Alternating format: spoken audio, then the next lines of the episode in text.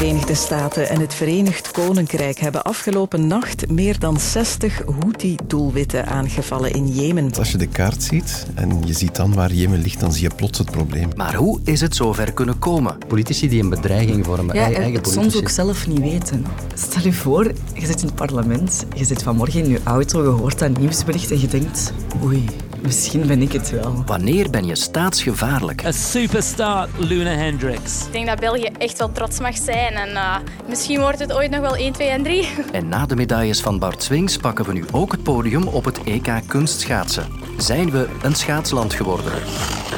Ik ben Lode Roels en ik glij het laatste kwartier van deze werkweek in. Fijn dat je ons alweer gevonden hebt. Ik neem je voor ons eerste onderwerp mee naar Jemen.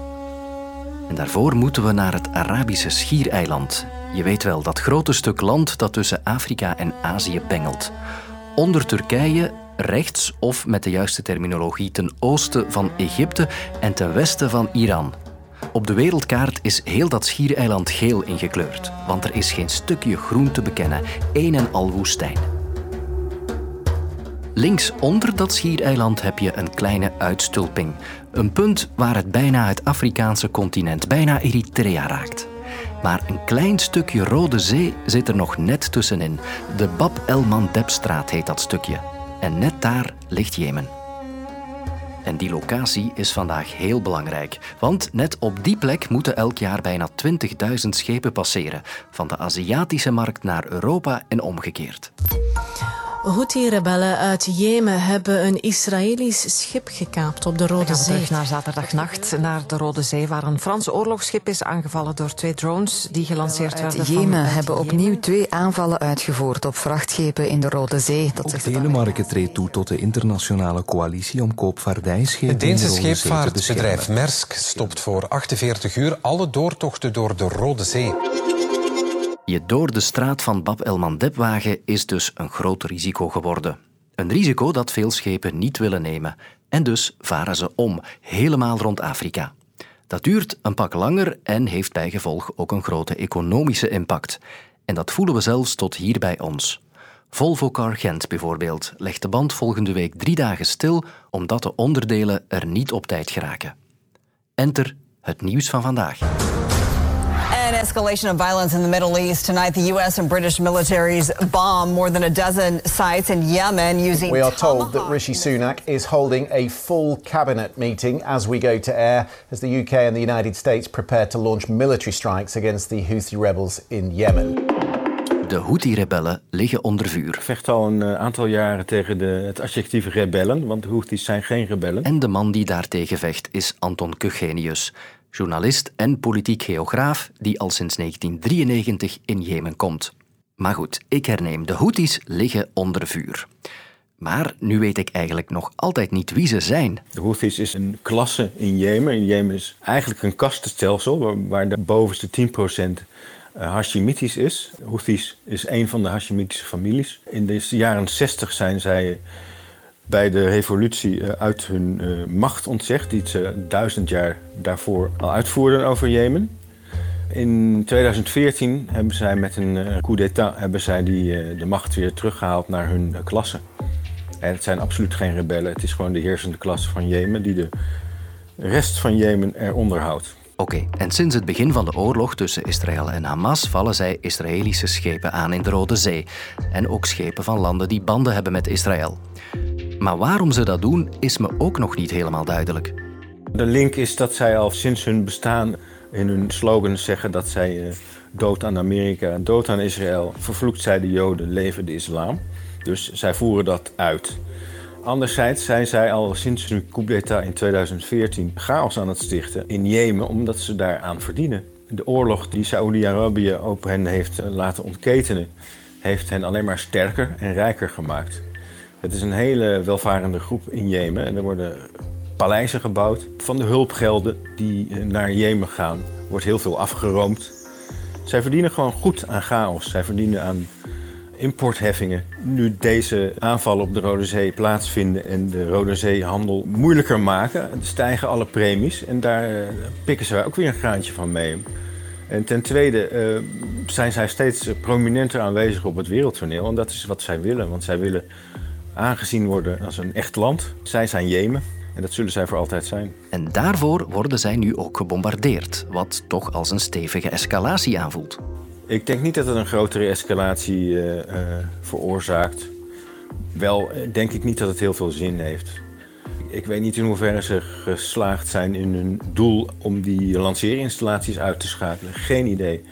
Wat ik wel weet is dat de, de Houthis sinds 2015 vaak gebombardeerd en geblokkeerd zijn. En dat ze er alleen maar sterker uit zijn gekomen. En ik ben bang dat het nu ook gaat gebeuren. er is geen exit-strategie. Er is geen lang, langetermijnplan om die Houthis meer in het gareel te krijgen. In 2018 had de oorlog in Jemen heel anders af kunnen lopen als, uh, als de internationale gemeenschap zich niet achter de Houthis had geschaard. Daar is een grote fout begaan eigenlijk. Toen, dan had het land veel stabieler kunnen worden daarna. Is niet gebeurd. Dus die Houthis zijn alleen maar sterker geworden. Zij leven toch blijkbaar op chaos, omdat zij daar uh, geld aan kunnen verdienen en status. De staatsveiligheid heeft de afgelopen drie jaar acht meldingen gedaan over politici die mogelijk een bedreiging vormen voor de nationale veiligheid. Dat blijkt uit onderzoek van VRT Nieuws.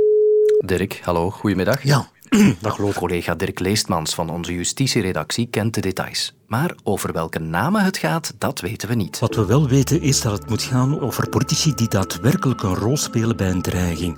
Maar let wel, het kan gaan dat zij een rol spelen zonder dat ze zich misschien daar zelf bewust van zijn. Het kan zijn dat een politicus ja, gebruikt wordt door een geheime dienst om een rol te spelen zonder dat hij zichzelf daarvan bewust is. Het is ook zo dat zij veracht gaat over de jongste legislatuur. En het kan ook zijn dat er al politici in beeld gekomen zijn, ik zeg maar wat in 2017 in 2018 en nu nog altijd in het vizier blijven van de staatsveiligheid. En die mensen zitten dus niet in dat cijfer van 8. Een voorbeeld waaraan we denken is de zaak van voormalig Vlaams belangpoliticus Frank uh, Krijlman, die waarschijnlijk werkte als informant voor een Chinese spion. Gaat dit bijvoorbeeld ook over hem? Kunnen we dat zeggen? Wel, we weten dat niet definitief, we weten dat niet met zekerheid. Maar als dat al zo zou zijn, dan is er pas sprake eh, van een politicus in die meldingsnota als het gaat over de politicus die een nationaal mandaat heeft. De politicus die een mandaat heeft op een lokaal niveau, die mensen komen niet ter sprake in die meldingsnota's. Ik vond dat opvallend. Politici die in het vizier van de staatsveiligheid komen omdat ze een gevaar kunnen vormen voor eigen land. Maar wanneer is iemand staatsgevaarlijk? Ik leg het voor aan Christophe Kleriks. Knakjournalist en ik volg al twintig jaar de wereld van geheime diensten. In de wetgeving duikt dat woord niet op, hè? staatsgevaarlijk. Maar sinds 1998 hebben we wel een heel wel omschreven wettelijk kader voor wat onze staatsveiligheid dan precies moet opvolgen. Met name dreigingen. Zij moeten informatie inwinnen over activiteiten die een bedreiging kunnen vormen voor de veiligheid van de staat. Het gaat dan om zaken als terrorisme, extremisme, spionage, wetenschappelijk en economisch potentieel. Dat is een moeilijk woord voor eigenlijk economische spionage. Inmenging in beslissingsprocessen, denk dan aan Qatargate bijvoorbeeld. Proliferatie van massavernietigingswapens, georganiseerde misdaad en schadelijke secten dat zijn dreigingen. Ja, wanneer bijvoorbeeld politici opduiken in een onderzoek naar een van die dreigingen, dan kan het gebeuren dat hun namen opduiken in notas van de staatsveiligheid. De Nationale Inlichtingendienst die onderzoek voert naar eigen politici, dat blijft toch een vreemde situatie. Het is altijd al een hypergevoelig thema geweest. Mogen namen van politici, verkozenen van het volk, mogen die opduiken in rapporten van de staatsveiligheid, een dienst die toch in opdracht van eh, de overheid werkt. Belgische geheime diensten we mogen wel degelijk inlichtingen aanmaken over politiek mandatarissen. Dat is niet problematisch, zolang ze maar niet als dusdanig worden opgevolgd omdat ze politicus zijn. Iemand die ooit ook een lijvig dossier had verzameld in een kast bij de inlichtingendiensten is bijvoorbeeld Bertrand Momenteel senator voor Vooruit, maar in de jaren 90 voorzitter van de toenmalige Volksunie.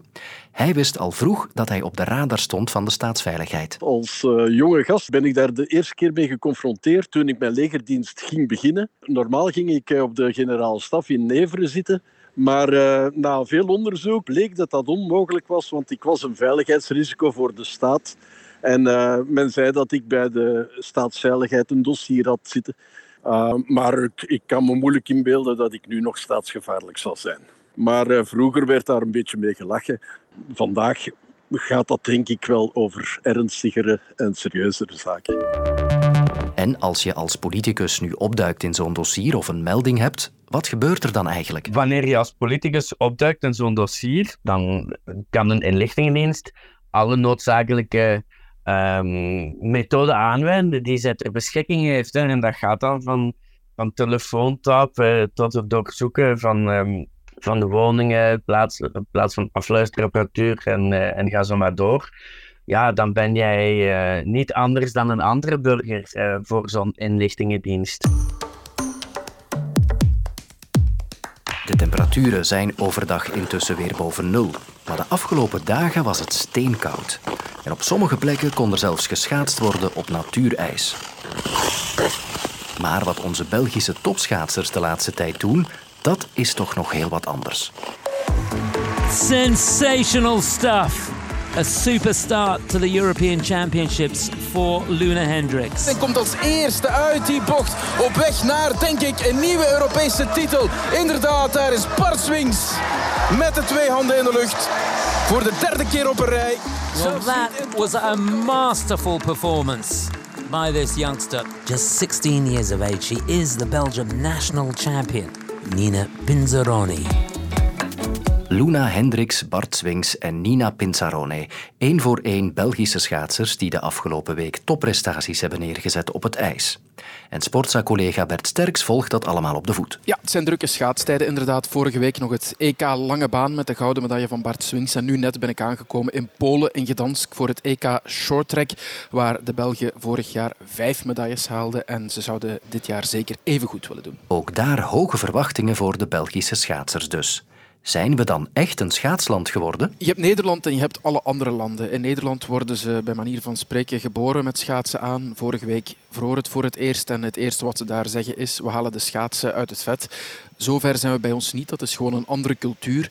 Maar als je dan naar al die andere landen kijkt die uh, podiumplaatsen bezetten op uh, wereldbekerwedstrijden bijvoorbeeld, dan hoort België daar nu zeker bij. Zowel in het lange baanschaatsen inderdaad, als op shorttrack, als in de grotere kunstschaatswedstrijden gebeurt het erg vaak dat er Belgen bovenaan staan. En dat is een evolutie die de laatste, laat ons zeggen, twee tot drie jaar heel erg merkbaar is geworden, inderdaad. Maar ondanks die evolutie is er in ons land nog steeds erg weinig infrastructuur beschikbaar voor schaatstalenten. Voormalig kunstschaatser Kevin van der Perre klaagde dat onlangs nog aan bij de collega's van Laat. Dat is natuurlijk het grote gebrek in België. Ze hebben geen vaste stek echt. Wat heel jammer is. Hè. We zitten hier met, met twee van de beste atleten in onze sport en ze hebben niet eens hun eigen ijsbaan waar ze weten van maandag bijvoorbeeld, ah ja, dat uur tot dat uur kan ik daar terecht. Ja, het is gewoon heel duur om schaatshallen te bouwen. Hè. Het bouwen alleen al, maar daarna ook het onderhoud, eh, kwalitatief goed houden van het ijs kost handen vol geld. Als je begint aan de bouw van een schaatshal, spreek je toch snel over enkele tientallen miljoenen euro's. Er zijn de laatste jaren enkele schaatsbanen gesloten in België, omdat het uh, gewoon niet rendabel is. Om een paar voorbeelden te geven, lange baan schaatsen kan je in België niet. Er is geen 400 meter baan. Daarvoor moet iedereen uitwijken naar Nederland, waar het uh, grote Tialf de schaatsstempel binnen Europa, zal ik maar zeggen, zelfs al een keer in financiële moeilijkheden is geraakt. En het is allemaal niet zo vanzelfsprekend. Shorttrackbanen zijn er wel een aantal, maar niet van bijvoorbeeld het topniveau zoals je in het Dresden aantreft. En voor de kunstschaatsers is het echt behelpen. Zij moeten soms urenlang in de auto zitten voor ze een trainingsbaan vinden waar ze kunnen trainen voor dat eh, kunstschaatsen. Dus dat zijn eh, allemaal opofferingen die je doet als atleet. En ja, als je wat meer infrastructuur hebt, wordt het op dat vlak natuurlijk allemaal een stuk makkelijker. Maar helaas is er op dat vlak niet meteen veel beterschap op komst. Er is niks concreet op dit moment. Er zijn de voorbije jaren wel wat haalbaarheidsstudies geweest voor een ijsbaan. Ik dacht een Hasselt en een Herentals, maar dat is toch allemaal bij plannen gebleven. Daar zijn nooit echt eh, concrete stappen in ondernomen. Wat je nu wel krijgt natuurlijk, nu gemerkt wordt dat er op drie fronten wordt meegestreden voor de medailles, in de drie takken zeg maar, van de schaatsport, dat sommige mensen er toch wel weer een keer meer beginnen over na te denken. Dus dit is eigenlijk een moment om het vast te grijpen en nog een keer echt na te denken over moeten we dat toch niet ergens overwegen om dat succes dat we nu hebben te kunnen bestendigen in de komende jaren. En er komt een verkiezingsjaar aan, dus misschien opent dat ook wel deuren. Intussen is het buiten te warm om te gaan oefenen op natuurijs, maar ik hou je natuurlijk niet tegen om op de ijspiste binnen te gaan trainen om de volgende Luna Hendricks of Bart Swings te worden, wie weet. Tot later. Ben je fan van podcasts zoals Franks en Bilo, Weet ik veel of Koken met Classics? Kom dan op zaterdag 9 maart naar het live podcast-event van VRT Max in Lamotte in Mechelen en ontdek er deze en vele andere podcasts. Tickets en info op VRT Max.